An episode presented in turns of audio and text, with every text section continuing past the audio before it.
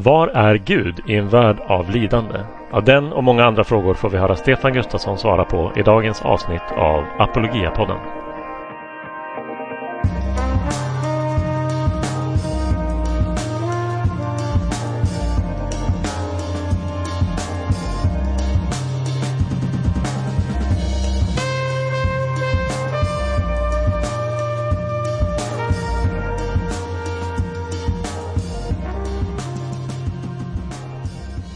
Välkomna tillbaka till Apologia-podden.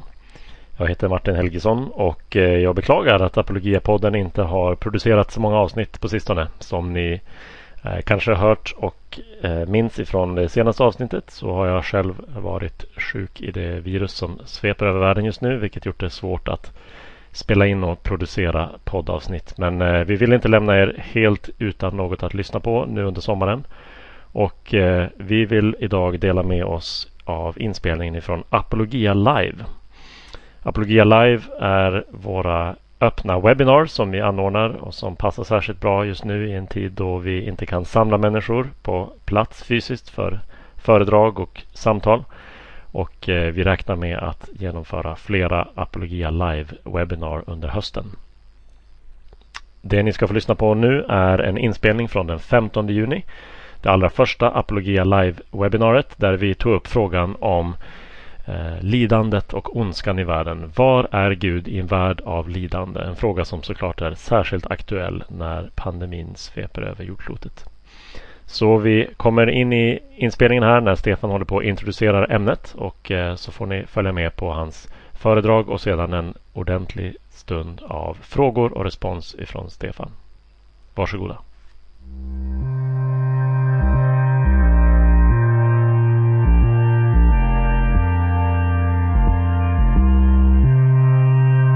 Viktiga frågorna, livsfrågorna och göra det utifrån ett, ehm, ett kristet perspektiv. Eh, men ett kristet perspektiv som involverar hela livet, tanken och vår mänskliga erfarenhet. Ehm, och det är det vi ska försöka göra här idag. Jag stryker under det som Martin sa, eh, att det kommer bli eh, bra med tid för frågor och respons. Och skriv gärna era reaktioner och tankar under tiden som jag talar. Jag ska försöka få igång en PowerPoint här.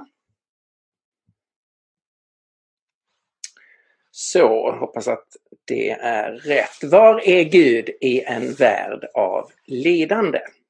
Och Det är förstås en fråga som människor över hela världen ställer sig eh, och har ställt sig väldigt intensivt de senaste eh, månaderna. Och Som kristen så är man ju enligt Nya Testamentet kallad att glädja sig med de som gläder sig och gråta med de som gråter. Och det här har ju varit veckor och månader då det har funnits väldigt många människor som eh, har gråtit, som sörjer på grund av sjukdom eller död, som sörjer på grund av eh, eh ekonomi som kollapsar, livsverk som eh, faller sönder. Eh, och därför eh, är det här en tid när det är viktigt att eh, möta varandra med eh, omsorg och med eh, solidaritet. Många av oss upplever ju det här som en, en helt unik situation och det är det ju. Vi har inte upplevt någonting liknande under vår livstid. Men det är ju som predikaren säger. Vad som har varit kommer att vara, vad som har skett ska ske igen. Det finns ingenting nytt under solen hur egendomligt det än känns så måste man ju bara konstatera att det vi erfar nu är ju i sig ingenting unikt. Egentligen har det här pågått varenda dag under vårt liv. Alltså att människor har dött, människor har drabbats av sjukdom. Utan egen förskyllan har människors ekonomi kollapsat, har företag gått i konkurs. Det är bara det att det har skett i en liten skala. Men det påverkar ju egentligen inte smärtan för individen som drabbas av det. Det är bara det att alla vi andra som då hittills har varit lyckligt förskonade, vi har kunnat blunda för att det här är den sortens tillvaro vi är en del av. Jag tycker det är intressant att, att bara tänka på från början och ha det lite med sig när vi ställer de tuffa frågorna till Gud och det har vi verkligen frihet och rätt att göra. Eh, men vi behöver också fundera lite på oss själva. Jag tycker om det här citatet från eh, William Hazlitt som en, en brittisk författare från eh, eh, början av 1800-talet som säger så här.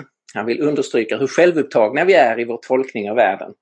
The least pain in our little finger give us more concern and uneasiness than the destruction of millions of our fellow beings. Och det är ju faktiskt hur, beskriver ganska väl hur patetiska och självupptagna vi människor är. Men nu har också vi som hittills har blivit förskonade, vi kan inte riktigt blunda i vår självupptagenhet för det som pågår runt omkring oss därför att det är på en sån massiv eh, liksom, skala det som nu sker. Och det väcker ju förstås alldeles självklart mängder med frågor. Och det väcker ju de stora, djupa frågorna. De yttersta frågorna om var finns Gud när nu världen är sån här? När jag inte längre kan blunda för att det här är den sortens värld jag är med i. För att eh, låna en titel av en alldeles nyutkommen bok så får ni lite bokreklam här också. John Lennox nya eh, bok Where is God in a Coronavirus World? Ja, var är Gud i en värld som ser ut så här? Om man ska börja adressera den frågan, då inser man ju ganska snabbt att det här handlar ju om de stora berättelserna. Det här handlar egentligen inte bara om var är Bibelns Gud, den Gud som kristna bekänner, utan det här ställer ju frågorna om hur vi ska förstå den här världen och då måste ju alla, oavsett filosofi och religiös tillhörighet, måste ju sätta in sina frågor och sin förståelse i en större bild. Man utgår alltid från en världsbild, ett, ett grundperspektiv när man försöker besvara sådana här eh, frågor. Väldigt många runt omkring oss i, i Sverige och i västvärlden utgår ifrån en sekulär bild av världen. Och då får man ju, då får man ju ganska tama svar. Om Gud inte finns så är ju världen bara en materiell värld som saknar mening, som saknar mål, som saknar yttersta förankring för sånt som vi kallar för värden, för gott och ont. Eh, här är en fransk forskare som säger så här och som ger, han ger uttryck för det sekulära eh, Natural selection will always be there with greater or less force. Selection is a blind process in which mutations are generated and those individuals that are most adapted are the ones that most disseminate their mutations. No matter how clever we are, humans will disappear. We are just a minor accident in the great evolutionary scale of the earth. Så om det inte finns någon gud så är det ju så här att vi alla kommer förstås att gå under, vi som lever nu. På sikt kommer hela mänskligheten att gå under. Och ur ett evolutionärt perspektiv så är det, det som pågår just nu med coronaviruset, det är ju egentligen en sorts selektion av, eh, av svagare individer. Åtminstone svagare i relation till det här eh, viruset. Det här ger ju en djupt problematisk världsbild om man tvingas tänka utifrån sådana banor.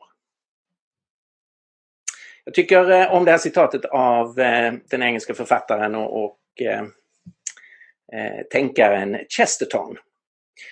Han talar om de olika livsåskådningar som utgår från naturen, som det sekulära perspektivet gör, att naturen är det enda som finns. Men där det finns en liknande tankegång i, i en del av Österlandets eh, tänkande där man smälter samman Gud och världen så det blir samma sak. Och han säger så här. The essence of all pantheism, evolutionism and modern cosmic religion, alltså essensen av panteism, av naturalistisk evolution och av, vi skulle kunna kalla det nyandlighet, uh, is really in this proposition that nature is our mother. Man ser naturen som vår moder. Unfortunately, if you regard nature as a mother, you discover that she is a stepmother. Alltså problemet är att om du tar din utgångspunkt i naturen och ser den som modern till allting, då kommer du upptäcka att naturen i förhållande till dig och mig som människor är som den legendariskt onda styvmodern. Alltså styvmodern som inte bryr sig om sina styvbarn. För naturen bryr sig inte om oss. Det finns förstås väldigt mycket mer att säga om ett sekulärt perspektiv, eh, eh, väldigt mycket mer att säga om ett österländskt perspektiv. Men vi ska gå vidare och titta på den kristna tron. Vad säger den kristna tron? Och det är väsentligt tycker jag när man tittar på världsbilder att man är öppen för komplexiteten som finns i en världsbild. Och därför borde jag egentligen ha sagt mer om det sekulära perspektivet och, mer om Österlandets eh, världsbild. En del, en del personer som inte är kristna som möter komplexiteten i den kristna tron, alltså tal om en andlig värld och tal om en, eh, en ond makt till exempel. De tycker att det där, det där låter ju bara som liksom, någon sorts extra lager som kristna har i sin, i sin tro, att man ad hoc, alltså bara tillfälligt har lagt till en viss sak för att förklara det där, alltså och så har man lagt till en annan sak för att förklara det där. Och så uppfattar man att kanske att ett sekulärt perspektiv är så mycket enklare. Men då menar jag att man har inte tänkt efter ordentligt här. I verkligheten så finns det en komplexitet i samtliga livsåskådningar. Du kan tänka på Österlandets religioner som ju förutsätter en andlig värld, som förutsätter kretsloppet samsara, som förutsätter reinkarnation. Där vi återföds och återföds och återföds, som förutsätter en karmalag som reglerar återfödelserna. Alltså det är ett oerhört komplext tankesystem. Men det gäller faktiskt också om det sekulära perspektivet. Idag är det inte så lite komplext. Väldigt många sekulära tänkare idag talar om om vi ska förstå den här världen måste vi postulera miljarder parallella universum. Världar utanför, bortom, bakom, under den här världen. I nästan oändligt antal. Tala om komplexitet. Den kristna tron har sin komplexitet. Och jag skulle säga att det här gäller nästan alla livsåskådningar och filosofier därför att det man försöker göra är att man försöker förklara den här världen. Och den låter sig inte förklaras på ett enkelt, ensidigt, entonigt sätt. Jag kan tänka på platonismen som postulerar en hel idévärld. Hur ser den kristna bilden av världen ut? Den ser ut så här. Jag skulle säga att den kristna bilden av världen, den kristna berättelsen, den består av fyra gånger fyra perspektiv låter krångligare än det. Så här. För det första så finns det ett ontologiskt perspektiv. Ontologi, det handlar om det som är. Vad det är som är verkligt, vad som faktiskt finns. Och då bejakar den kristna tron naturen. Den materiella, fysiska, kemiska, biologiska verkligheten naturen finns. Det är natur som eh, Gud har skapat. Och i den naturen så finns det virus i ett enormt antal. De flesta av dem har en positiv funktion, är inte farliga för människan. Men det finns också virus som om det når den mänskliga kroppen eh, är destruktiva. Nästa nivå är att i den kristna berättelsen finns biologiskt liv och det finns en unik form av biologiskt liv, människan, som transcenderar biologin genom att vara en person som kan välja och agera, som kan älska och tänka och skapa, som har frihet och som har ansvar. Som kan göra bra saker, som kan göra dåliga saker. Som till exempel kan ha djurmarknader där man håller vilda djur fångna tillsammans. Och där man har eh, både levande och döda djur tillsammans. Och där man stressar de levande djuren i den miljön så att virus hoppar från djur där de inte är farliga över till människan. Det är ju det som verkar ha hänt med coronaviruset. Och sen eftersom vi människor har byggt upp en global värld med alla dess fördel, fördelar av kontakter och resor så har det viruset som först hoppade över till människan på grund av oansvarigt handlande från människan har sen på grund av globaliseringen fått denna enorma spridning och ödeläggelse bland människor. Den tredje nivån är att kristen tro utgår från att det finns en andlig värld av andliga varelser skapade av Gud. Eh, änglar, goda varelser som tjänar Gud och älskar Gud. Men också onda varelser som ursprungligen var skapade goda men som har gjort uppror mot Gud. Att det finns en ond makt som vill ödelägga och förstöra. Och att den onda makten eh, har invaderat den här världen. Att människan har släppt in ondskan i världen och att denna världen nu eh, vilar i den ondes våld. Och därför så är världen och naturen idag trasig, brusten. Det finns någon sorts fördärvskrafter som verkar som människan ursprungligen inte var avsedd för. Och så finns förstås den yttersta nivån, Gud, som har skapat världen, Gud som är en god, helig, allsmäktig Gud. Ja, det är från de här fyra perspektiven som man börjar förstå vad det är som finns. Men som kristen så förstår man detta också utifrån en kronologi. Det finns inte bara en ontologi vad som finns utan det finns en väldigt tydlig kronologi. Vi förstår världen utifrån en historisk linje. Världen har inte alltid funnits, den har blivit till genom att Gud lät världen få existens. Han skapade den och han skapade oss människor.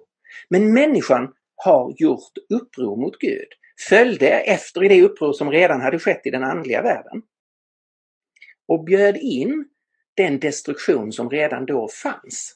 Det är det som vi kallar för ett syndafall. Och som innebär att den här världen nu har gått sönder.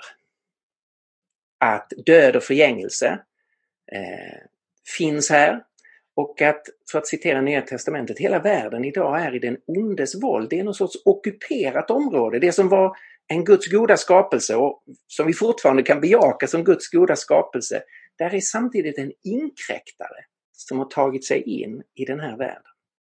Men Gud har inte övergett världen, utan Gud har beslutat sig för att vinna världen tillbaka till sig själv och hela och upprätta och rena världen. Det är det som vi kallar för frälsningshistorien. Att Gud har börjat arbeta inifrån människans historia med start med Abraham, i Israels folk och med höjdpunkten i Jesus från Nasaret och sen spreds budskapet om honom till alla folk eh, ut över världen, ner genom historien så att säga.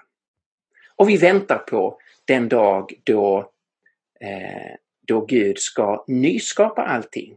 Ta bort alla konsekvenser av syndafallet, kasta ut alla fördärvsmakter och skapa en ny himmel och en ny jord. Det här är faktiskt komplexiteten i den kristna tron. Och då befinner vi oss i en värld som är en fallen värld. Det är där vi är nu. Och där det finns en andlig makt som har ett reellt, inte ett absolut, men ett reellt eh, inflytande. Och vi finns då i frälsningshistorien. Där nu Gud har påbörjat någonting för att göra syndafallet om inte och för att eh, kasta ut, besegra och kasta ut den onda makten. Så ska man förstå var Gud finns i en värld mot Corona så måste man förstå det Eh, utifrån den här sortens berättelse. Jag skulle gärna, om vi hade haft väldigt mycket tid på oss, eh, motiverat varför jag menar det finns anledning att hålla den här berättelsen för sann. Men jag vill bara lyfta upp en punkt som har med att göra med detta med syndafallet. Och jag gör det genom att, eh, eh att Eh, citera Tolkien som beskriver människans situation efter syndafallet här i medan frälsningshistorien fortfarande pågår och det onda därför fortfarande finns kvar. Tolkien skriver på ett ställe We all long for Eden, alltså Edens lustgård. Vi längtar tillbaka till det ursprungliga. We all long for Eden and we are constantly glimpsing it. Our whole nature at its best and least corrupted, it its gentlest and most human is still soaked with a sense of exile. Alltså vi känner av den här längtan efter det oförstörbara paradiset. Vi vet om att det här, vi befinner oss i en exil. I en tillvaro som är inte som den borde vara. Och det här menar jag har så djup genklang inuti oss. Vi vet att det är någonting fel på världen. Och det är precis det som den kristna berättelsen talar om och beskriver vad det är som har gått fel och ger oss ett hopp om hur vi ska komma ur den här exilen. Det är ju det som evangeliet om Jesus handlar om.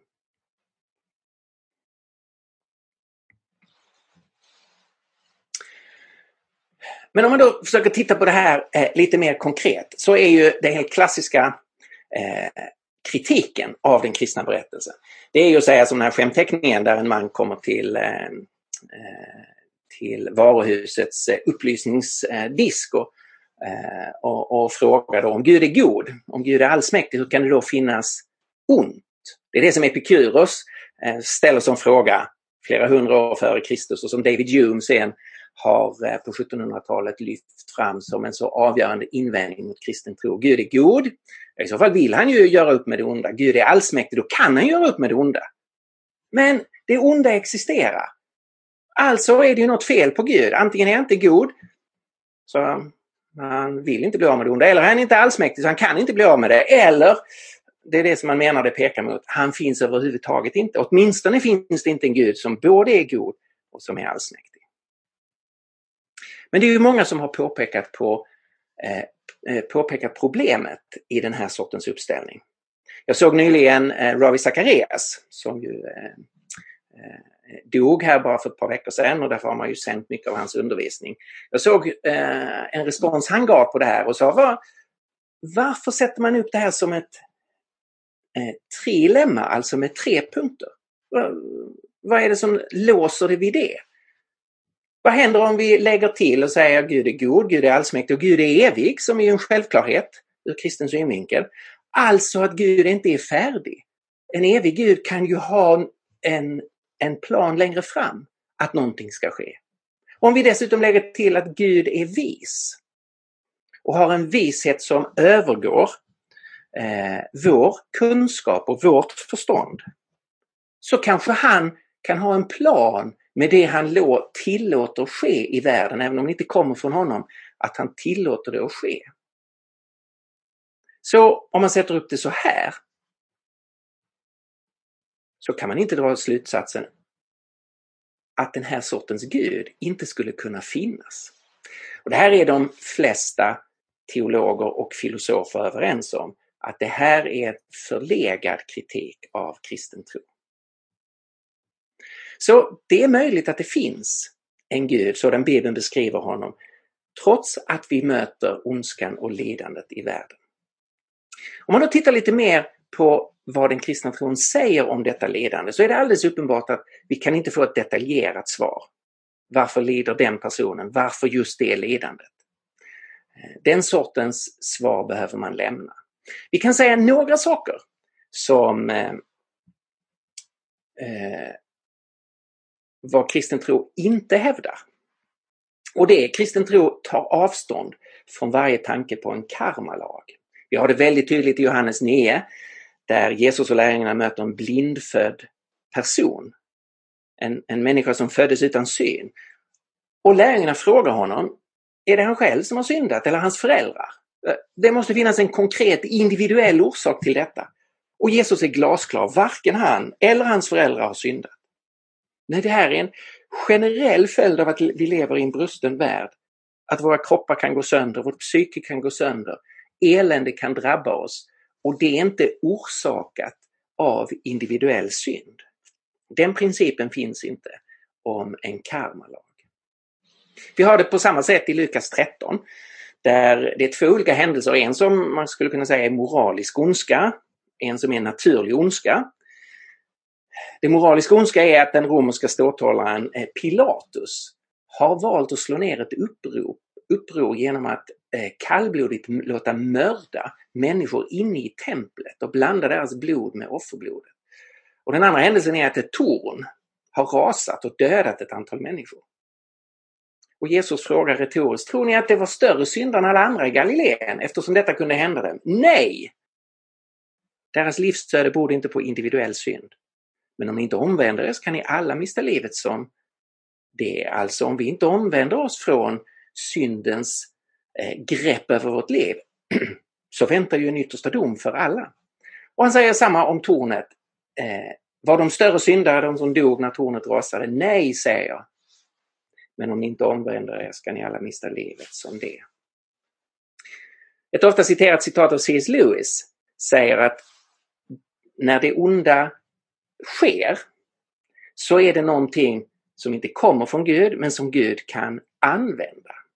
Och Jesus drog ju slutsatsen av de här eh, onda händelserna att det vi ska eh, ta, på, eh, ta på allvar där, det är ju att när vi ser sådant ske så ska vi ta det till oss och omvända oss och se på tillvaron utifrån liksom, den yttersta verkligheten.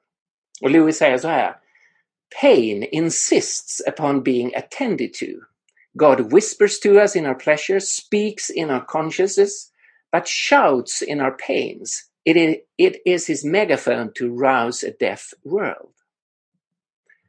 Det är hans megafon för att väcka en död värld när lidandet drabbar oss. Och det ser vi just nu i coronatider, att det här väcker upp människor. Att börja ställa frågor man annars hade ignorerat.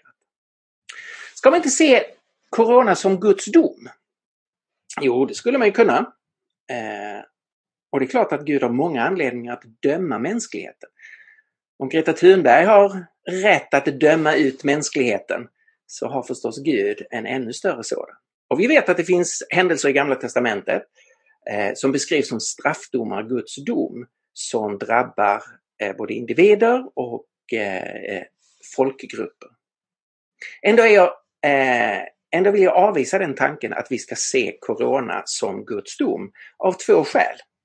Därför att i de texter i Gamla Testamentet där detta sker, då har vi Guds egen uttydning. Det har föregåtts av varningar.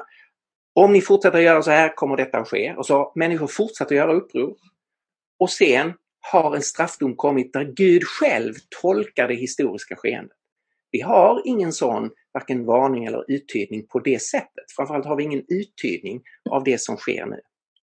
Det finns ett antal ställen i, i Gamla Nya Testamentet som talar om naturkatastrofer utan att det kopplas samman med någon dom. Därför att det här är bara den sortens värld där det blir svält och hungersnöd och där det blir stormar och så vidare som kan hota och skada människor.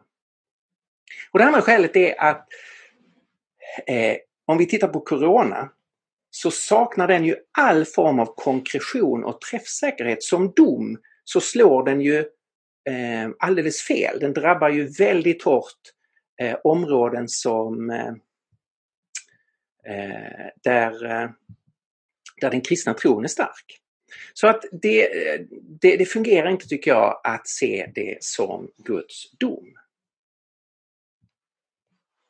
Låt mig när jag går in för landning här påminna om en eh, fantastisk och suggestiv text från evangelierna, nämligen texten om Lazarus död och hur han uppväcks. Och du kan själv läsa den i Johannes, eh, i Johannes 11. Situationen är ju där att det är några av Jesu närmsta vänner, eh, Lazarus och hans två systrar Marta och Maria. Och Lazarus dör, eller Lazarus är sjuk och de skickar bud. Men Jesus kommer inte och Lazarus dör. Och när Jesus kommer eh, flera dygn senare så är systrarna oerhört besvikna. Båda två ställer frågan eller påståendet Herre om du hade varit här hade vi, vår bror inte dött. Frågan kommer två gånger. Du kan, men det verkar inte som du vill. Och det här sätter ju verkligen frågan om eh, lidandet och då ytterst sett döden på sin spets. Vad är Jesu relation till det? Det vi ser i texten, det är att Jesus, när han möter Maria som kommer gråtande och sörjer sin bror, så gråter Jesus med henne. Han identifierar sig med hennes sorg. Han gråter över vad döden gör med människor. Mer än det, det står att han vredgas. Därför att det här är inte i linje med det som Gud har tänkt. Döden är en fiende. Och Jesus vredgas över det onda som har kommit in i världen. Här ser vi den kristna hållningen som inte är en stoisk hållning av att acceptera. Utan det är eh, en hållning där man sörjer över det som är fel och där man vredgas över att Guds skapelse har gått sönder. Och sen visar Jesus att han både vill hela världen och att han kan det. Och han väljer att visa det här i ett, i ett unikt fall, att han uppväcker Lazarus. Och sen talar han om att alla som sätter sin tro till honom ska få leva för alltid, även om man dör den fysiska döden eh, och inte blir uppväckt efter fyra dygn som Lazarus blev, så har man fått del av ett liv som aldrig ska ta slut. Så Jesus är den som både vill rädda oss från döden och kan rädda oss från döden. Men det undervisar oss också om Guds timing. Att vi kan inte kräva att Gud ska agera bara utifrån våra önskningar. Och ibland är det så att Guds tidtabell ser väldigt annorlunda ut än vad vi tar för självklart att den ska göra. Systrarna tog ju för givet att Jesus måste komma omedelbart. Men Gud hade en annan tidtabell och därför måste man lära sig att lita på Gud. Och ytterst sett så lyfter Jesus fram framtiden. Eh, han kommer inte fortsätta att uppväcka varje kristen eh, som dör. Eh, utan det läggs i framtiden, på den stora dagen, när, eh, eh, när alla ska uppstå och möta Herren. I den kristna tron till sist så får vi inte detaljerade svar kring vårt eget lidande. Men vi får resurser som hjälper oss att leva. Vi tror på den lidande kärnan. Det betyder att vi tror på en Gud som själv har blivit människa och delat människans lidande. I urkyrkan var det här en stark tankegång. Slavar, förtryckta, fattiga, sjuka, lidande människor hörde budskapet om en Gud som själv visste vad lidande var och som hade medlidande och såg med omsorg på människor. Detta var något helt annat än de grekiska och romerska gudarna som inte brydde sig det minsta om människans lidande. Vi tror på en Gud som har identifierat sig med oss människor. Vi tror på en Gud som är obegränsad visdom och som vi har anledning att lita på också när vi inte förstår varför han handlar som han gör.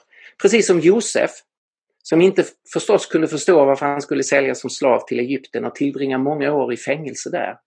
Men där i slutet av hans liv han kunde se hur Gud hade vänt det till godo som människor hade tänkt till ondo.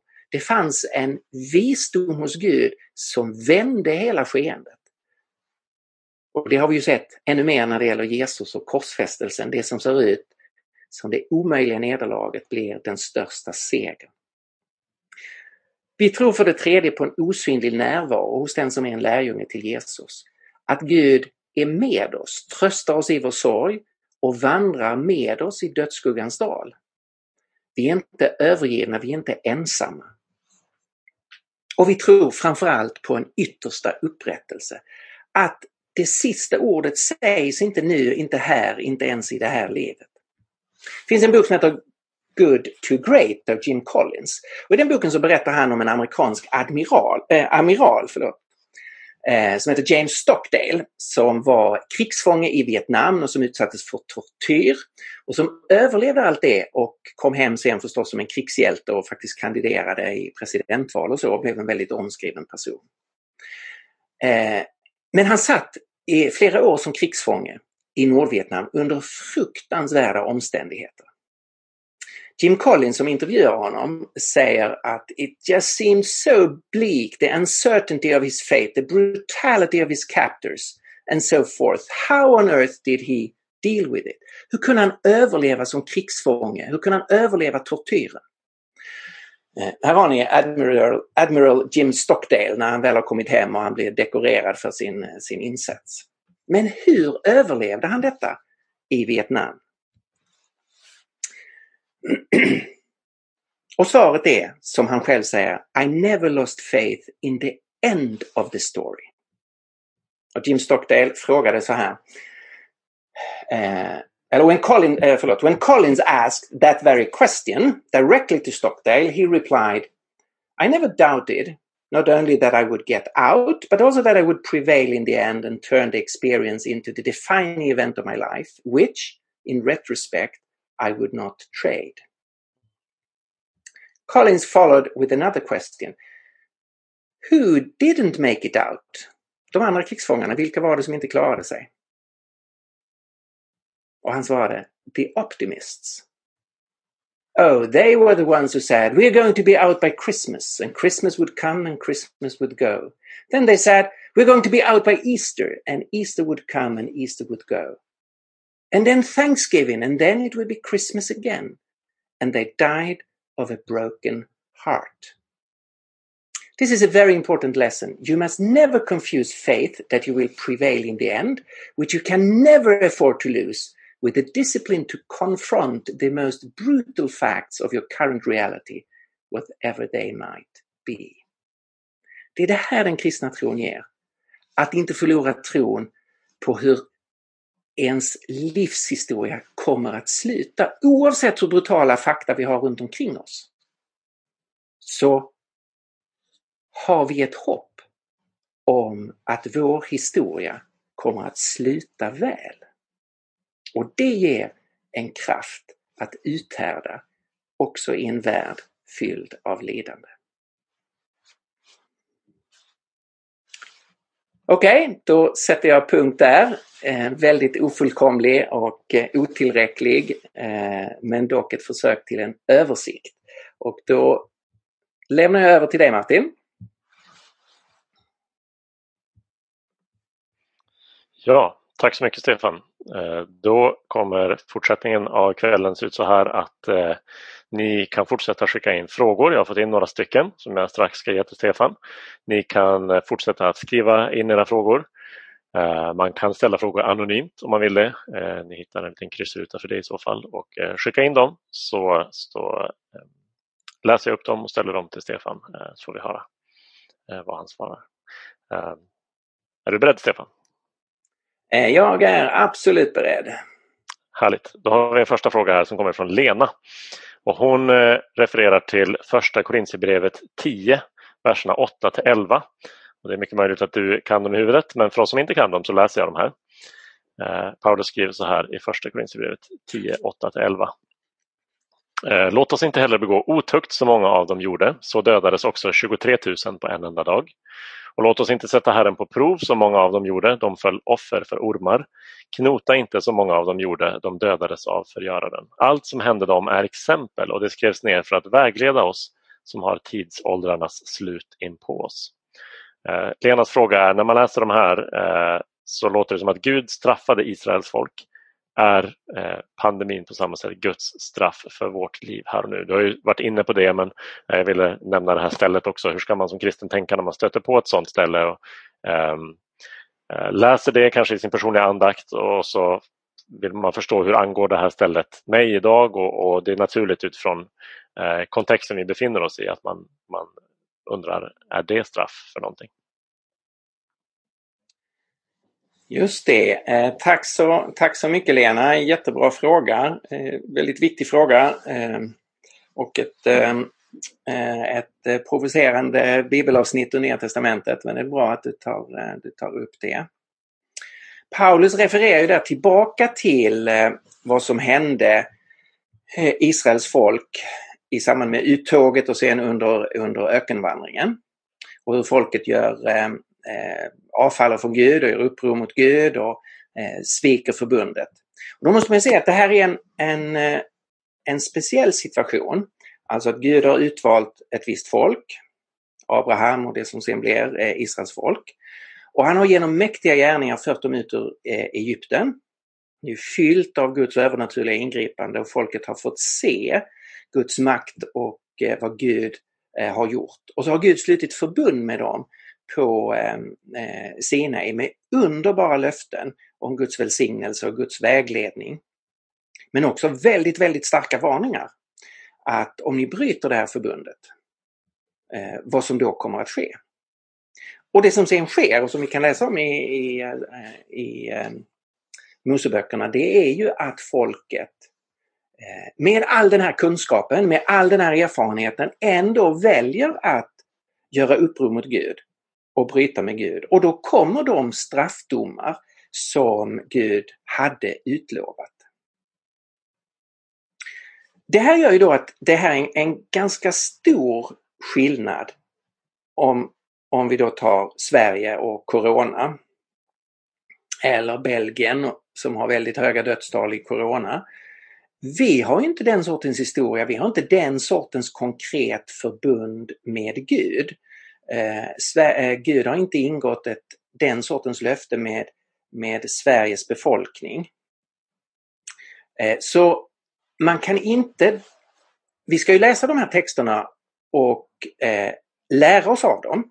Men vi kan inte föra över direkt allt som sades till Israel som nation, som vid den här tidpunkten var en, en, en teokrati med en, alltså där Gud skulle vara deras kung och de hade ett unikt förbund mellan Gud och sig själv. Vi kan inte föra över det till, eh, eh, till Nya Testamentets tid där Guds folk inte är ett geografiskt politiskt folk och där eh, det absolut inte är en teokrati. Det var inte Israel heller under, eh, det upphörde ju ganska snabbt eftersom man önskade en kung.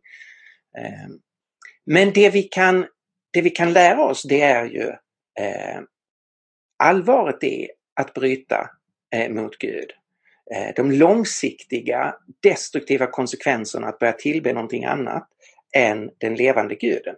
Men vi kan inte avläsa liksom ett politiskt skeende, ett nationellt skeende eh, och, och, säga nu händer det här, det beror på det och det och det.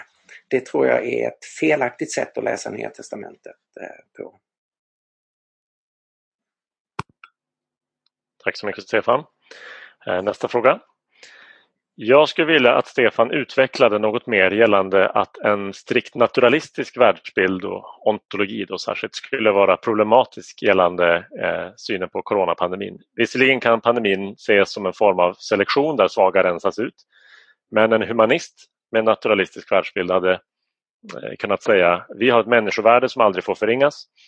Alltså försök rädda alla svaga och äldre som drabbas även om de är svaga. I slutändan är detta i så fall inget som skulle hamna i konflikt med kristendomens syn på samma fråga. Kan du utveckla Stefan, vad, vad är likheterna och skillnaderna här mellan humanism och kristen tro? Mm. Ja, tack. Eh, också en, en, en, väldigt viktig, eh, en väldigt viktig fråga. Eh, jag beskrev ju eh, naturalismen som då tar sin utgångspunkt i naturen och säger att naturen är det enda som finns. Eh, och allt som då idag existerar är en funktion av naturen. Den grundutgångspunkten delas ju av humanismen. Så att den, den sekulära humanismen är naturalistisk i sin utgångspunkt. Men sen gör man ju då sin egen version och säger vi säger att det enda som finns är naturen. Eh, men vi vill bejaka det mänskliga, den mänskliga kulturen eh, och människan som individ, eh, människans värde. Och det kan man ju förstås göra eh, och det är väldigt positivt att man gör det. Det är ju bra. Jag har verkligen inga invändningar eh, mot det. Ju fler som bejakar människan desto bättre. Det som är problemet här är ju att den bejakelsen av människan blir verkligen ad hoc. Den följer inte ur ontologin. Det finns ingenting i naturalismen som leder över till en hög syn på människan än mindre någon sorts absolut människovärde. Utan det här blir ju någonting som humanismen faktiskt lånar ifrån kristen tro. Och jag skulle säga att väldigt många humanister har ju en mycket stark övertygelse om eh, människovärdet eh, och människans värdighet och det är väldigt bra. Men det är historiskt ett lån ifrån den kristna tron. Det har blivit så inarbetat i vår kultur utifrån vår långa kristna eh, historia. Så trots att man har tagit avstånd från den Gud som är grunden för människovärdet så har man liksom behållit det som är frukten eh, av gudstron, nämligen en hög syn på människan. Och då blir min kritik inte att man håller fast vid en hög syn på människan, det är bra. Men min kritik eller min fråga här blir ju logiken. Varför ha en livsåskådning som internt inte hänger ihop? Varför säga allt är natur och sen introducera någonting som inte går att förankra i naturen? nämligen värden. Den kristna tron har ju här en, en inre koherens, att den hänger samman inom sig själv. Att den säger att det finns en gud, han har skapat den här världen, han har skapat materia, han har skapat biologiskt liv och sen har han skapat en varelse som har en särställning, som är hans avbild. Och därför är människan värdefull. Därför att vi är hans avbild, vi är personligt relaterade till Gud, vi är älskade av Gud, vi är ansvariga inför Gud Allt det här hänger liksom samman eh, i den kristna tron. Men tar du bort Gud så blir det en blind tro på människan. Tack Stefan. Mm. Vi fortsätter, många bra frågor här. Um, gråter Jesus verkligen över människornas sorg över Lazarus eller gråter han över deras otro? Mm. Eh, om, man, eh, om man frågar, eh, det, är, det, är, det, är, en bra fråga, det är väldigt spännande att läsa evangelierna och, och eh, faktiskt försöka närma sig personen Jesus. Eh, för att försöka förstå Eh, vem han var, hurdan han var, vad hans reaktioner var. Vi kan säga att Jesus var en väldigt passionerad människa. Han upprördes oerhört starkt över hyckleri över förakt för, för svaghet, över förtryck. Religiösa människor som bara hade en yttersida och ingen innersida. Och vi kan se att Jesus vid flera tillfällen gråter. Och vid några tillfällen vredgas. Eh, och eh, det är ju väldigt intressant att försöka analysera vad är det som framkallar de här starka reaktionerna hos Jesus. Det finns tillfällen när det är människors otro som gör att, att, eh, att Jesus gråter. Han, när han kommer närmar sig Jerusalem och ser det som är Guds stad och det fantastiska templet. Och han säger, hur ofta har jag inte velat samla er som eh, hönan samlar kycklingarna under sina vingar, men ni har inte velat. Och Då finns det en sorg över människors otro. Så den aspekten finns. Men just i Johannes 11 så är det naturliga att Jesus delar Marias sorg över döden. Om man läser eh, texten i Johannes 11 så är det ju så att eh, Lazarus har dött och som man gjorde i antiken och som man fortfarande gör i Mellanöstern. Eh, man begraver ju den döde eh, omedelbart eh, samma dag. Och så har det gått eh, fyra dygn och så kommer Jesus. Och han kommer ju förstås med ett entourage, lärjungarna och många andra, så det är en folkskara som närmar sig och ryktet, någon springer i förväg och säger till Marta och Maria, nu är Jesus på väg. Marta går ut för att möta Jesus och de har ett samtal. Det är ett ganska teologiskt, teoretiskt samtal. Därför att det är Martas eh, eh, personlighet. Hon, eh, hon ställer frågan om uppståndelsen och om den yttersta dagen. Och, och Jesus svarar på de frågorna och sätter fokus på sig själv, att han är uppståndelsen och livet. Man ska inte bara tänka det är en framtida händelse utan det är ytterst relaterat till, till honom. Och han ut, uttalar de här berömda fantastiska orden Jag är uppståndelsen och livet. Samtidigt så skickas det då bud till Maria. Så Jesus har den här diskussionen med Marta. Men det skickas bud till, eh, eller det är Marta som går tillbaka in i huset där Maria sitter och sörjer. Och säger nu är mästaren här. Och Maria går då ut till Jesus och hon kommer ut gråtande. Och när Jesus möter Marias gråt så börjar han också gråta därför att han delar hennes sorg över att hon har förlorat sin bror. Och sen ställer de sig framför graven och då talas det om att Jesus vredgas när han liksom tar in realiteten av döden, vad döden gör med människor, vad döden gör med relationer, vad döden gör med en liten familj. Så vredgas han och sen kommer det fantastiska som ju är nästan som ett, eh, att föras tillbaka till, till själva skapelsen, bara genom sitt ord. Jesus ber till Fadern och sen talar han sitt ord och kallar Lazarus tillbaka till livet. Och Lazarus kommer ut. Eh, ja, så eh, det var ett långt svar. Ehm, jag hade kunnat eh, ge det kort och sagt Jesus gråter ibland över människors otro. Men i den här texten så tror jag det är naturligt att säga han gråter för han delar Marias sorg. Mm. Mm. Tack för det. Eh, nästa fråga är varför finns det så många löften i Bibeln om bönesvar när många människor man ber för fortsätter att vara sjuka eller till och med dör? Mm. Tack! Eh, så mycket bra frågor. Ja, det finns ju fantastiska eh, löften om bönesvar. Ändå så har Eh, ju alla kristna erfarenhet av att man har bett. Eh, man kan ha bett eh, ärligt, övertygat, hängivet och bett under en viss tid, inte bara en gång. Och så har man ändå inte fått svar. Och det är klart att det är frustrerande och, och eh, irriterande. Allra helst förstås om det är eh, bönämnet inte bara är något, ska man säga, i, i grunden ganska själviskt. Ehm, låt mig komma in på den utbildningen, låt mig få det och det, låt ehm, mig ha framgång. Utan man faktiskt ber för eh, till exempel en vän som är sjuk. Eh, och så kommer inte svaret på det sätt som man, eh, man har, har tänkt. Då tror jag att det är viktigt här att se att det, vi har fantastiska löften i Bibeln och de löftena kommer Gud att hålla.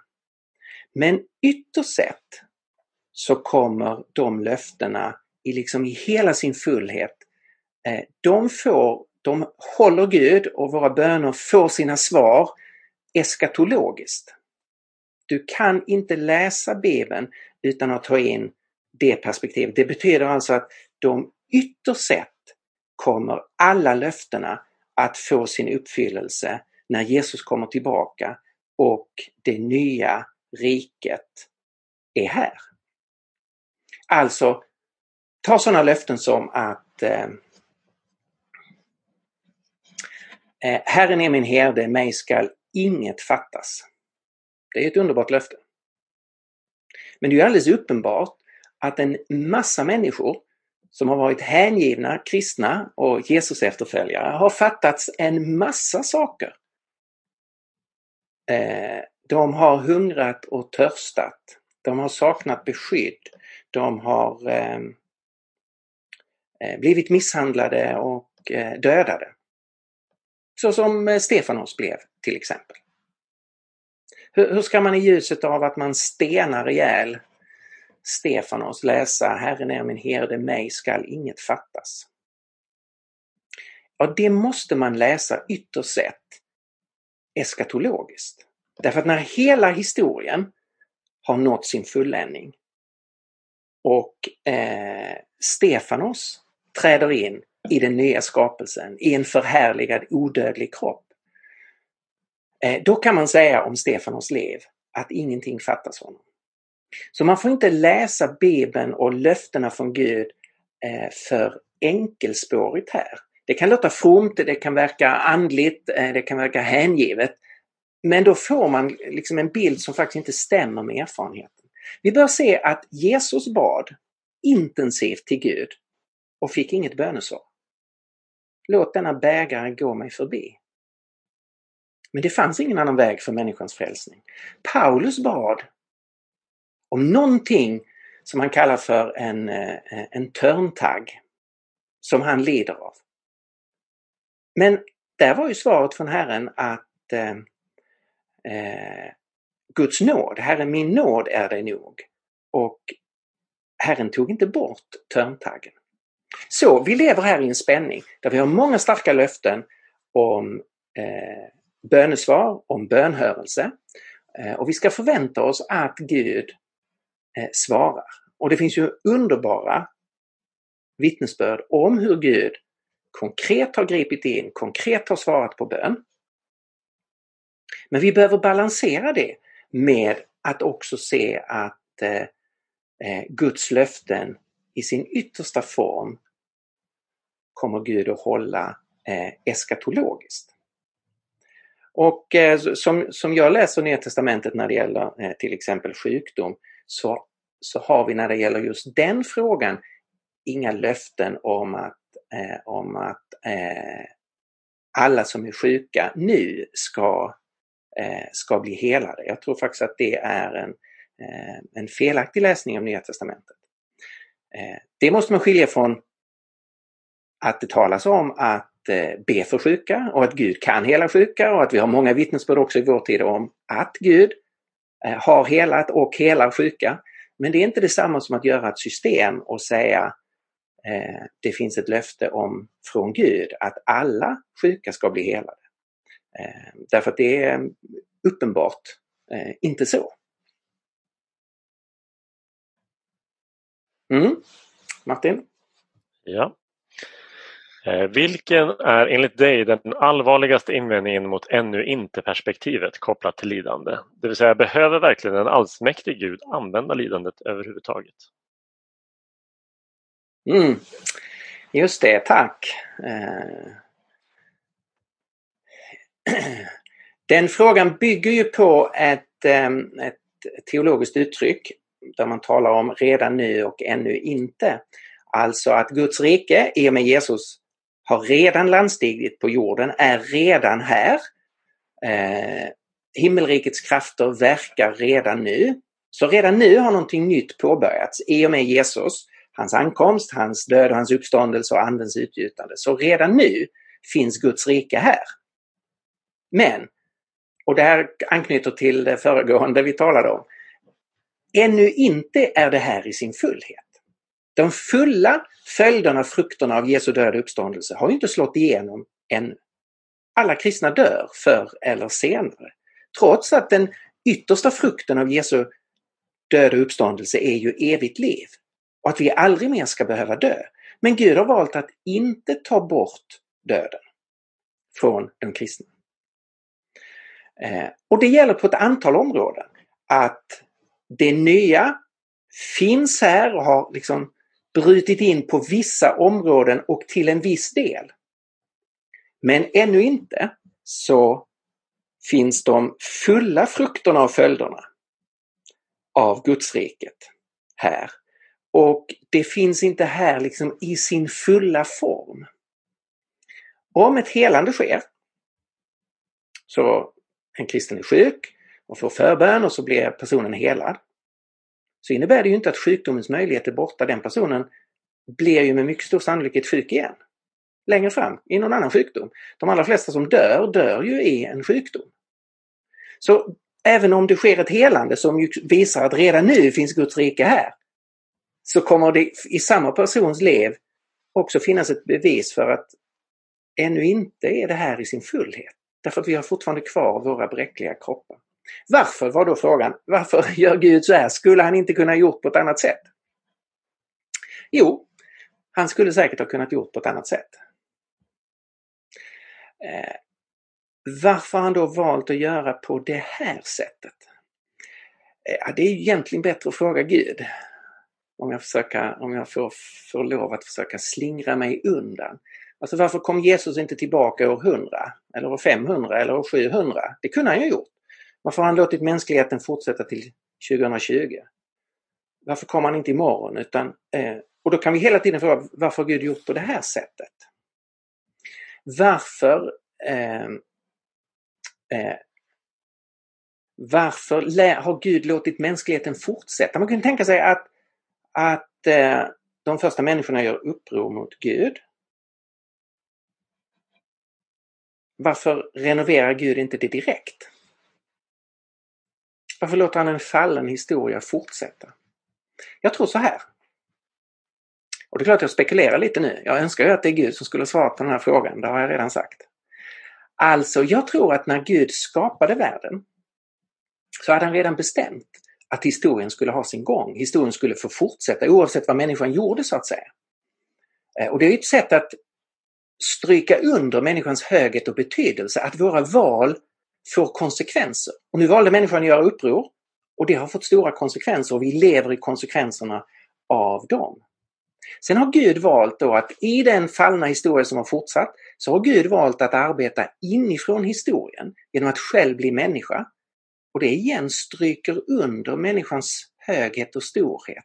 Gud har förenat sig med det mänskliga. Och sen väljer Gud genom sin församling, att frälsningens budskap om Jesus Kristus ska spridas och så använder han oss. Det igen stryker under människans betydelse och höghet, det fantastiska är att vara människa. Så, jag har massor med frågor kring varför har Gud gjort på det här sättet. Men jag kan konstatera att det sätt han har gjort det på innebär hela tiden att det stryks under. Vi är något stort, vi är något viktigt, vi är något betydelsefullt. Vad vi gör får konsekvenser eh, det har verklig betydelse att vara människa. Och här är, skulle jag säga, en, en unik aspekt av kristen tro att man eh, att man eh, presenterar människan på det sättet som en på riktigt betydelsebärande eh, varelse. Mm, jag tror att jag eh, stannar där. Okej, okay, ehm, Nästa fråga låter så här. Skulle man ändå kunna säga att Gud kan använda covid-19-pandemin för att peka på människans behov av frälsning? Eh, ändå, jag uppfattar det som en kontrast gentemot tanken på att det är ett straff ifrån Gud, men kan det ändå vara så att Gud vill använda den här pandemin för att peka på vårt behov av frälsning? Ja, tack. Tack, det, eh, det ger mig möjlighet att, att kanske klargöra det. Det är jätteviktigt. Jag, jag tycker alltså inte vi ska tala om eh, pandemin som ett straff ifrån Gud, därför att jag tycker inte vi har täckning för det påståendet. Men det är ju alldeles uppenbart att Gud, eh, att Gud använder pandemin. Och det kan man ju se i eh, långt före eh, pandemin i människors liv och i, i vår historia att svårigheter får människan att vakna upp. Eh, lidande får människan att spränga det själviska, instängda, självupptagna skalet av att bara söka Eh, liksom det som är för stunden eller det som är lättsamt och, och njutningsfullt. Och vi kan ju se i vår kultur eh, hur människor har börjat ställa frågor om Gud och kristen tro och religion på ett sätt som är, är väldigt nytt. Det har ju varit så mycket kulturartiklar som, eh, som rör existentiella frågor och de har nästan alla haft en koppling till kristen tro, antingen för eller emot kristen tro. Eh, det finns mycket statistik från England till exempel som visar att antalet personer som lyssnar till gudstjänster på nätet har ökat något enormt. Alltså att man upplever ett verkligt sökande efter Gud. Jag skulle säga att vad, vad jag sett hittills så är det något mindre i, i, i Sverige men jag får hoppas att det kommer statistik som kan visa att något liknande händer här. Men eh, det är alldeles uppenbart att, att Gud kan använda och att han använder eh, tragiska händelser. Och här måste man då skilja mellan frågan, är det Gud som har gjort det? Nej, det är det ju inte. Det här är alldeles uppenbart att det är människor och eh, dårskap och, och hos människor som ligger bakom eh, pandemin. Alltså, vi kan inte skylla den på Gud. Men, eh, men samtidigt så kan sådant som inte har sin källa hos Gud kan Gud ändå i sin suveränitet använda och leda till någonting positivt i människors liv. Eh, till ett uppvaknande, alltså det som är poängen i citatet från C.S. Lewis, att lidandet blir som en Guds megafon. Gud viskar till oss i njutningen, därför att när vi ser skönhet och njutning, det är egentligen en signal från skaparen. Var kommer detta vackra ifrån? Det måste ha en källa. Alltså så när människor njuter av eh, musik eller ser på skapelsens skönhet eller hänförs av kärleken och sexualiteten. I njutningen så finns det en viskning från Gud. Var tror du detta kommer ifrån? Var tror du skönheten har sin källa? Ja, den har sin källa i Gud. Han som är, han som är lycksalighet, han som är sällhet själv. Allt det vi kan njuta av har sin yttersta källa i honom. Men det, den där viskningen kan vi lätt ignorera och bara fokusera på själva njutningen. Men när lidandet kommer, då kan vi liksom inte ge oss hän åt lidandet. Utan då, vi måste göra någonting åt den här situationen. Det är ju Lewis poäng. Och då blir lidandet som Guds megafon, inte en viskning som vi kan ignorera, utan det blir Guds megafon som kan skaka om oss. Och det här tycker jag om, om, eh, om eh, vi som är kristna vi ska förstås vara med och göra allt vi kan för att förhindra eh, coronasmittan att spridas. Vi ska be om eh, forskare som kan få fram ett vaccin. Men vi ska också be att under tiden som vi arbetar på att få ordning på den här situationen så ska vi be att Gud använder de svårigheter som nu drar fram över världen till ett uppvaknande i mänskligheten. Martin? Ja, eh, nästa fråga. Vi har varit inne på olika, med olika världsbilder och livsåskådningar. Nästa fråga rör islam. Vet du mer om vanliga svar inom islam på lidandets problem? Tack! Eh, det är bra med frågor om islam. Eh, eftersom vi har en allt större muslimsk närvaro i Sverige så behöver vi ju lära oss mer om islam. Vi behöver få större respekt för muslimer, alltså lära oss att, eh, Eh, att relatera till och tala på ett respektfullt sätt med muslimer. Eh, och vi behöver förstås förstå deras tro. Eh, och det finns ju likheter förstås mellan islam och kristen tro eftersom islam har lånat själva grundkonceptet från gamla nya testamentet att det finns en enda gud som är skapare av allting och han ska ändå döma världen. Men sen har ju islam eh, både förändrat en del av det man har lånat från judendom och kristendom och sen har man ju tillfört en massa nya saker. Eh, ett par av de saker som man har förändrat påverkar synen på eh, det onda och på lidandet. Man har en annan bild av Gud där man betonar Guds transcendens, eller jag kommer att säga Allahs för att vi skiljer Bibelns Gud från Islams Gud. Jag är medveten om att ordet, eh, ordet Allah egentligen är arabiska, eller inte egentligen, är arabiska och betyder Gud, men för att kunna skilja de här två gudsbilderna åt. Allah, där betonar man hans transcendens, alltså hans eh, att han är bortom, att han går utöver. Eh, och då betonar man Guds transcendens så starkt att Gud blir den totalt annorlunda, om vilka inga mänskliga begrepp egentligen kan utsäga någonting sant. Och då blir Gud så avlägsen att våra moraliska kategorier, sånt som gott och ont, eh, inte blir riktigt relevanta för vem Allah är. Han står bortom sådana begrepp. Nu kan ju muslimer använda de 99 sköna namnen om Allah där man beskriver Allahs alla egenskaper. Och så samtidigt kan man säga att Allah döljer sig bakom de namnen. Alltså det är bara en sorts mänskliga beteckningar på en gud som vi inte, på Allah som vi inte kan ytterst sett eh, beskriva. Detta att Allah är, man betonar hans transcendens, det gör också att Allah och människan står inte nära varandra. Människan kan inte bli barn till Allah. Man kan inte bli Guds barn, Guds son eller Guds dotter utan det, det man kan bli är att man kan bli Guds tjänare, Guds slav. Man har inte en relation till Allah. En personlig relation av, av kärlek. Så här skiljer sig hur Allah förhåller sig till människan från hur Bibelns Gud förhåller sig till människan. Och det får förstås konsekvenser för hur man ser på allt det vi kallar ont eh, här i världen. Eh, det ligger mycket närmare till hands i islam att man eh, ser Allah som den direkta orsaken till det som sker i världen. Man har en gudsbild som är, ligger närmare det man kallar för allorsaklighet, alltså att Gud är den yttersta orsaken till allt som sker. Så säger man inte i kristen tro. Eh, kristen tro har en mer komplex bild av Gud där Gud Eh, är allsmäktig men det finns fler aktörer som faktiskt orsakar någonting. Så man kan inte säga att Gud är den yttersta orsaken till allt som sker. Ytterligare en skillnad är att i Islam har man inget historiskt syndafall. Man har en omgjord version av berättelsen om Adam och Eva och deras uppror. Men i Islam så får den händelsen inga konsekvenser. Utan Allah förlåter Adam och Eva och sen är allting som det var tidigare. Så man har inget syndafall som raserar den här världen.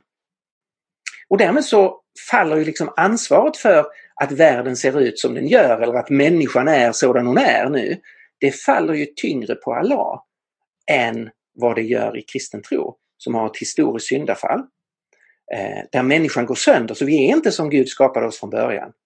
Och där den här världen i någon mening går sönder och inte är så som Gud skapade den från början. Så där är några eh, av de grundläggande skillnaderna eh, mellan islam och kristen tro på den här punkten. Ja, tack. Vi fortsätter med en till eh, sån här eh, världsåskådnings världsbildsfråga. Hur skulle du argumentera för att det finns en objektiv moral när vissa naturalister skulle argumentera för att moralen är subjektiv och en produkt av evolutionen?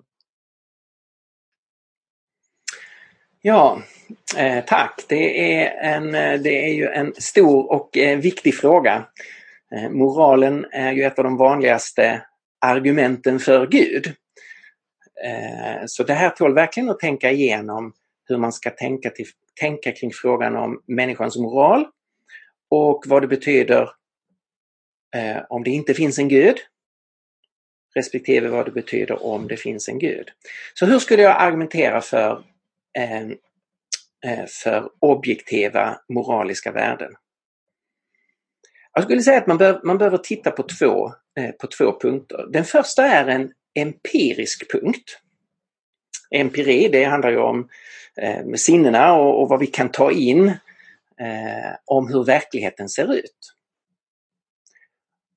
Och då skulle jag argumentera för att den mänskliga verkligheten är sådan att moral är oundvikligt. Man kan vara en omoralisk människa, alltså att man gör sånt som är fel. Men om man är psykiskt frisk kan man inte vara en amoralisk människa. Alltså helt frikopplad, bortkopplad från moral. Det här tillhör människolivet och det tillhör människans storhet och höghet att vi gör skillnad på gott och ont. Och vi gör den skillnaden. Inte så som vi kan skilja ut att man kan tycka om olika smaker. Alltså så man kan skilja ut vaniljglass och chokladglass och så kan man då tycka bättre om det ena än det andra. Men det är då ett, ett område där, när det gäller glass, där vi inte anklagar varandra och säger du har fel, du måste ändra dig. Utan det här är ett område som vi, vi säger, det där är en smaksak. Alltså det är upp till var och en för det finns inte, eh, finns inte en hierarki här utan det är bara det är olika smaker och du får lov att, att eh, eh, göra en hierarki mellan olika smaker av vanilj och choklad och pistage. Och det är inte gott eller ont liksom. Eh, men när det gäller frågan om moral så är det en annan sorts frågeställning där vi anklagar varandra. Vi kan tänka på eh, Black Lives Matter. Eh, har en polis, har en vit polis rätt att döda en svart man? Och tvärtom har en svart man rätt att döda en vit man.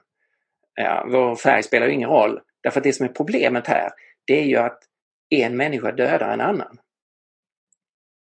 Och nu verkar ju halva världen säga att det här är objektivt sett fel. Vi måste ändra på det här så det inte får ske igen.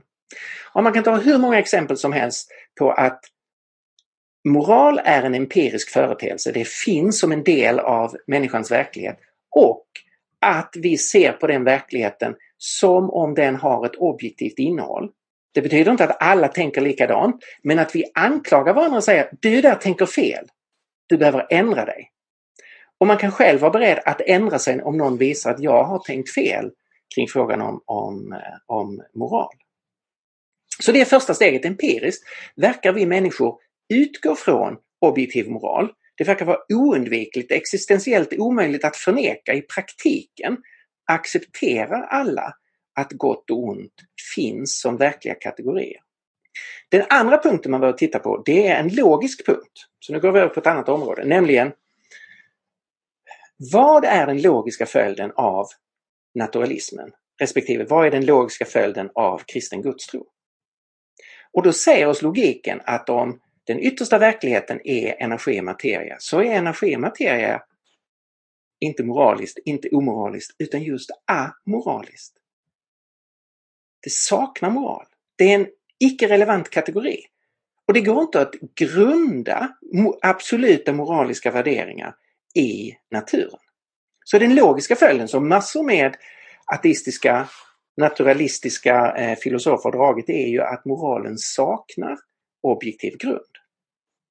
Det du kan göra är förstås att säga men du kan ge en evolutionär förklaring till dess framväxt. Ja, det kan man verkligen. Men det är bara en förklaring till dess framväxt, inte en grund för dess giltighet. Man behöver skilja på det. Hur ser processen ut för hur det här har växt fram? Det måste man skilja från frågan, är det, är det giltigt med våra moraliska värderingar? Har de en grund? Och det har de inte utifrån en naturalistisk evolutionär eh, uppfattning. Evolutionen kan ju bara fortsätta och vi, det kan vara någonting helt annat som eh, utvecklas fram av moralförståelse. Logiken om det finns en gud, det är ju helt annorlunda. Om Bibelns Gud finns så är moral en del av det som alltid har existerat. Gud är god. Gud är ljus och inget mörker finns i honom. Och I så fall har moralen en, en objektiv förankring. Och vi är skapade i hans avbild Eh, och därmed har vi fått den här förmågan att resonera eh, moraliskt. Så jag skulle säga att man får eh, argumentera utifrån de här två punkterna, empiriskt och logiskt.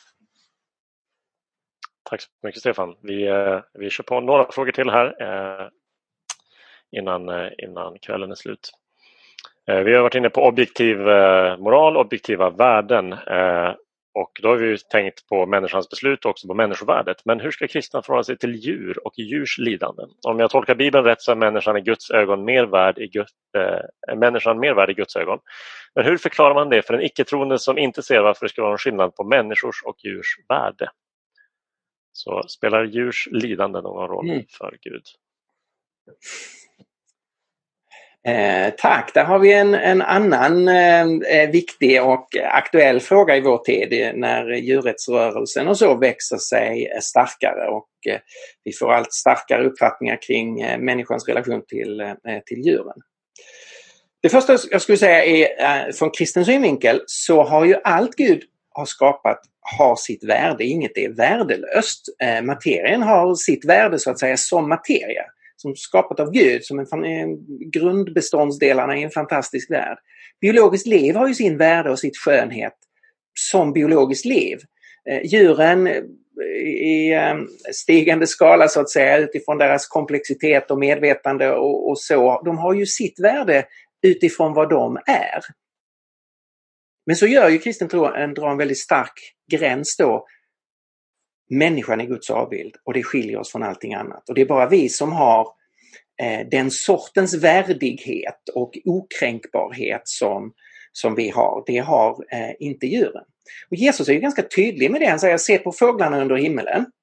Och så säger ni är mycket mer värda än det.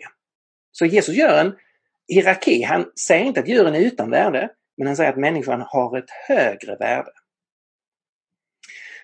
Eh, det här har ibland missbrukats eh, så att eh, människor har plågat djur, miss, missbrukat sin auktoritet över djuren och det finns alla anledningar att ta avstånd från det. Vi ska vara glada över att det har blivit efterhand allt striktare regler, regler kring djurhållning. Och en, en kristen bör, bör stödja det, att, att visa respekt mot, mot det levande. Men som jag ser det så eh, eh, ur kristen synvinkel kan man inte säga att det är fel, moraliskt fel eller ont att döda djur eller att äta kött och fisk och, eh, och så. Det är alldeles uppenbart att, eh, eh att, eh, att Jesus gjorde det. Han gjorde det eh, under, sin, eh, under sitt liv när han bjöd eh, människor på bröd och fisk. Och han gjorde det faktiskt efter sin eh, uppståndelse när han själv grillade fisk och bjöd lärjungarna på. Så det går inte att argumentera för något ett, ett principiellt plan här att en kristen eh, inte kan äta, eh, äta kött. Däremot så är ju en kristen eh, självklart fri att själv göra ett val och säga att mm, på grund av de, den kritik jag har mot eh, köttindustrin eller av, av, andra skäl så väljer jag eh, själv att inte Eh, Eh, att inte äta kött till exempel. Det, det har man ju eh, full frihet att, att, göra men man kan inte lägga det som en, en mall för vad som är en, en, en kristen syn. Okej, tillbaka till frågan om bönesvar. Hur tänker du kring det du sa om bönesvar i förhållande till Markus evangeliet 16 och 18? Dessa tecken ska följa de som tror, de ska lägga händerna på de sjuka och de ska bli friska är ungefär det citatet. De relevanta bitarna av det citatet. Mm. Eh, det är väl eh, två saker som man, eh, man kan ha med sig. Det första är att om man tar slutet på Markus evangeliet som, som det står där så, så står det ju inte att, att, det, att det måste innebära att alla sjuka som man lägger händerna på eh, blir friska. Det är ju i så fall en konsekvens man, man drar, men den måste man ju inte dra. Man kan ju också läsa det som att det här är ett löfte om att, eh, om att helande kommer att ske. men det är inte ett löfte om att helande kommer att ske eh, för varje person eller vid varje sjukdom. Det andra man måste säga är att i alla moderna biblar så står ju det avsnittet, alltså eh, Markus evangeliet eh, från vers 9 och framåt, det står ju inom klamrar. Därför att det finns inte i de äldsta och de bästa handskrifterna. Och det råder alltså osäkerhet kring om det avsnittet eh, fanns med från början. Det är ju eh, en av de mycket få textställena där det faktiskt råder genuin osäkerhet om eh, fanns detta med i originalet eller inte. Och de flesta forskare idag skulle säga att det, den delen av Marcus evangeliet är inte ursprunglig. Och det gör ju då att man ska vara väldigt försiktig med att bygga en kristen lära på det avsnittet. Eh, utan eh, vi bör bygga våra, eh, våra läror, våra övertygelser på, eh, på resten av Nya Testamentet eh, och inte göra för stor sak av just eh, Markusslutet. Det här hittar ni Eh, i, om ni har biblar med eh, notapparat så, så finns det en förklaring till varför just det avsnittet står inom, inom klamra och det har att göra med att det, det saknas i de bästa handskrifterna. Okej, okay. som avrundning, som sista fråga tänkte jag försöka slå ihop två frågor. De handlar om det mm, du har pratat om Stefan, vikten av att hålla eh, kvar slutet av historien, att hålla fast vid det eh, som en grund för det kristna hoppet. Och eh, då finns det två frågor här. En som rör eh, mer på individuellt plan, vad är det vi hoppas på? Och eh, också mer det stora perspektivet. Eh, om jag slår ihop frågorna så låter de ungefär så här. Vad menas det med att vi kommer att väckas från graven när Jesus återvänder? Kommer människor ligga i graven i några år innan de väcks till liv? Så vad, vad händer med individen vid Jesu återkomst? Och för det andra då mer eh, på det kollektiva planet, kommer det onda tillbaka efter tusenårsriket när djävulen släpps ut igen? En referens till Uppenbarelseboken där. Eh, vill du försöka eh, svara på båda de frågorna på något ja. sätt ett, Stefan? Tack, jag ser om jag håller isär det här. Om vi, eh, om, om vi börjar med den eh, individuella frågan så eh, eh, när, när en människa dör så, så ser det ju från, eh, från vårt perspektiv ut som att en, en person somnar in. Eh, men man kan inte väcka personen eh, igen utan man är, vi säger att man somnar in eller man är, man är avsomnad och man läggs, i en, man läggs i en grav. Det som sen sker det, det, är ju att den kroppen man lägger där den multnar bort och blir en del av det biologiska kretsloppet. Det tar sin tid. Idag påskyndar vi det förloppet genom kremering. Eh, och då blir det som har varit människans kropp eh, blir en del av det biologiska kretsloppet eh, alldeles omedelbart, alldeles direkt. Den kristna tron säger att, eh, eh, skulle jag säga, säger två saker här. Eh, dels att när en människa somnar in så betyder det ju att eh, livet i den här kroppen slocknar och kroppen kommer sen att multna bort. Men vi är mer än vår kropp. Vi har en innersida, eh, en personlighet, ett jag. Eh, och kristen tro traditionellt talar här om ett mellantillstånd, att när den kristne dör så eh, kommer man till paradiset. Idag ska du vara med mig i paradiset, sa Jesus till rövaren på korset. Vi bryter upp för att vara där Kristus är och han är i himlen på Faderns högra sida och Paulus säger att han längtar efter att bryta upp och vara där Kristus är, alltså är i himlen.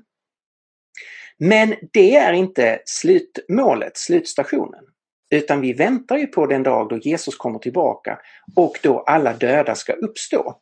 Och då eh, de kristna som är i himlen ska få uppstå i en härlighetskropp. Vid en begravning så strör man ju jord på kistan och säger jord är du kommen, jord ska du åter bli. Det är ju en referens till första Mosebok att människan skapade Eh, Gud skapade människan av markens jord. Så vi ska åter bli jord. Och så säger man, men Herren Jesus Kristus ska uppväcka dig på den yttersta dagen. Och därför är det ju så att himlen i en viss mening är ett väntrum, det är inte slutmålet. Utan slutmålet är att Gud uppväcker den kristne och låter kropp och själ förenas igen och den kristne uppstår i en förhärligad, odödlig kropp och ska sen inta den nya tillvaron, den nya himlen och den nya jorden, den nya verkligheten. Eh, här spelar det faktiskt ingen roll vad som har hänt med kroppen. Den har multnat bort. Många kristna har ju brunnit in eller drunknat i havet. Kroppen har försvunnit. Eh, men det är inget problem för Gud att eh, låta människor eh, uppstå även om just den formen vår kropp hade när vi dog, eh, att den har eh, förenats med övrigt biologiskt liv. Det klarar Gud som skapare utan problem att eh, återuppväcka oss. Den andra frågan eh, rör tusenårsriket och det där är en stor fråga hur man ska tolka det. Frågan utgick från, om jag förstod dig rätt, från en, en specifik förståelse av tusenårsriket, alltså att eh, tusenårsriket är en, eh, en period i historiens slut av kanske då av, av tusen år eh, av ett fredsrike på jorden. Eh, och sen kommer det en ytterligare en period innan, innan det absoluta slutet. Nu är det inte den enda förståelsen av det man kallar för tusenårsriket och jag delar faktiskt inte själv den förståelsen. utan jag tror att den texten eh, Eh, i, eh, eh, i Uppenbarelseboken 20 att den är en symbolisk text som handlar om, eh, om den tiden vi är i nu, alltså om kyrkans tid. Så eh, jag, eh, jag ser på historien så här att eh, vi lever nu i kyrkans tid, vi har vårt uppdrag att sprida evangeliet och vi väntar på att Jesus ska komma tillbaka och när han kommer tillbaka så innebär det historiens slut. Och då kommer uppståndelsen från de döda, då kommer domen då alla människor ska redovisa sina liv för Jesus och det följs av nyskapelsen av, eh, av himmel och jord.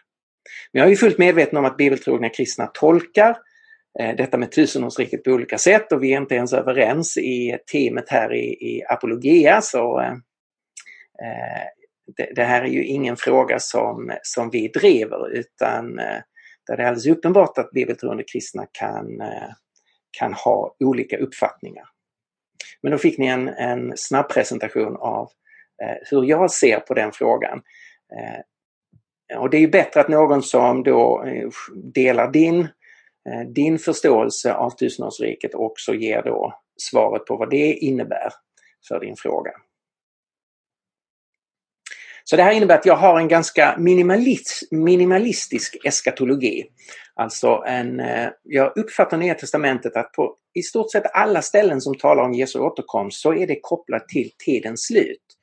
Alltså att Jesus ska komma tillbaka och då kopplas det samman med uppståndelsen från de döda, domen och upprättelsen av allting.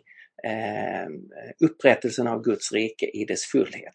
Så eh, det är anledningen till att jag eh, jag har den, den uppfattningen, alltså att Jesu återkomst på så många ställen kopplas samman med de, de yttersta och slutgiltiga eskatologiska realiteterna. Tack så mycket Stefan. Eh, och tack till er som har skickat in frågor. Det var många bra frågor. Jag vet att vi inte hann besvara alla, eh, men det är dags att eh, avrunda för ikväll nu. Och det här var det första Apologia Live. Kul att ni vill vara med och testa det här upplägget med oss. Håll utkik efter fler sådana här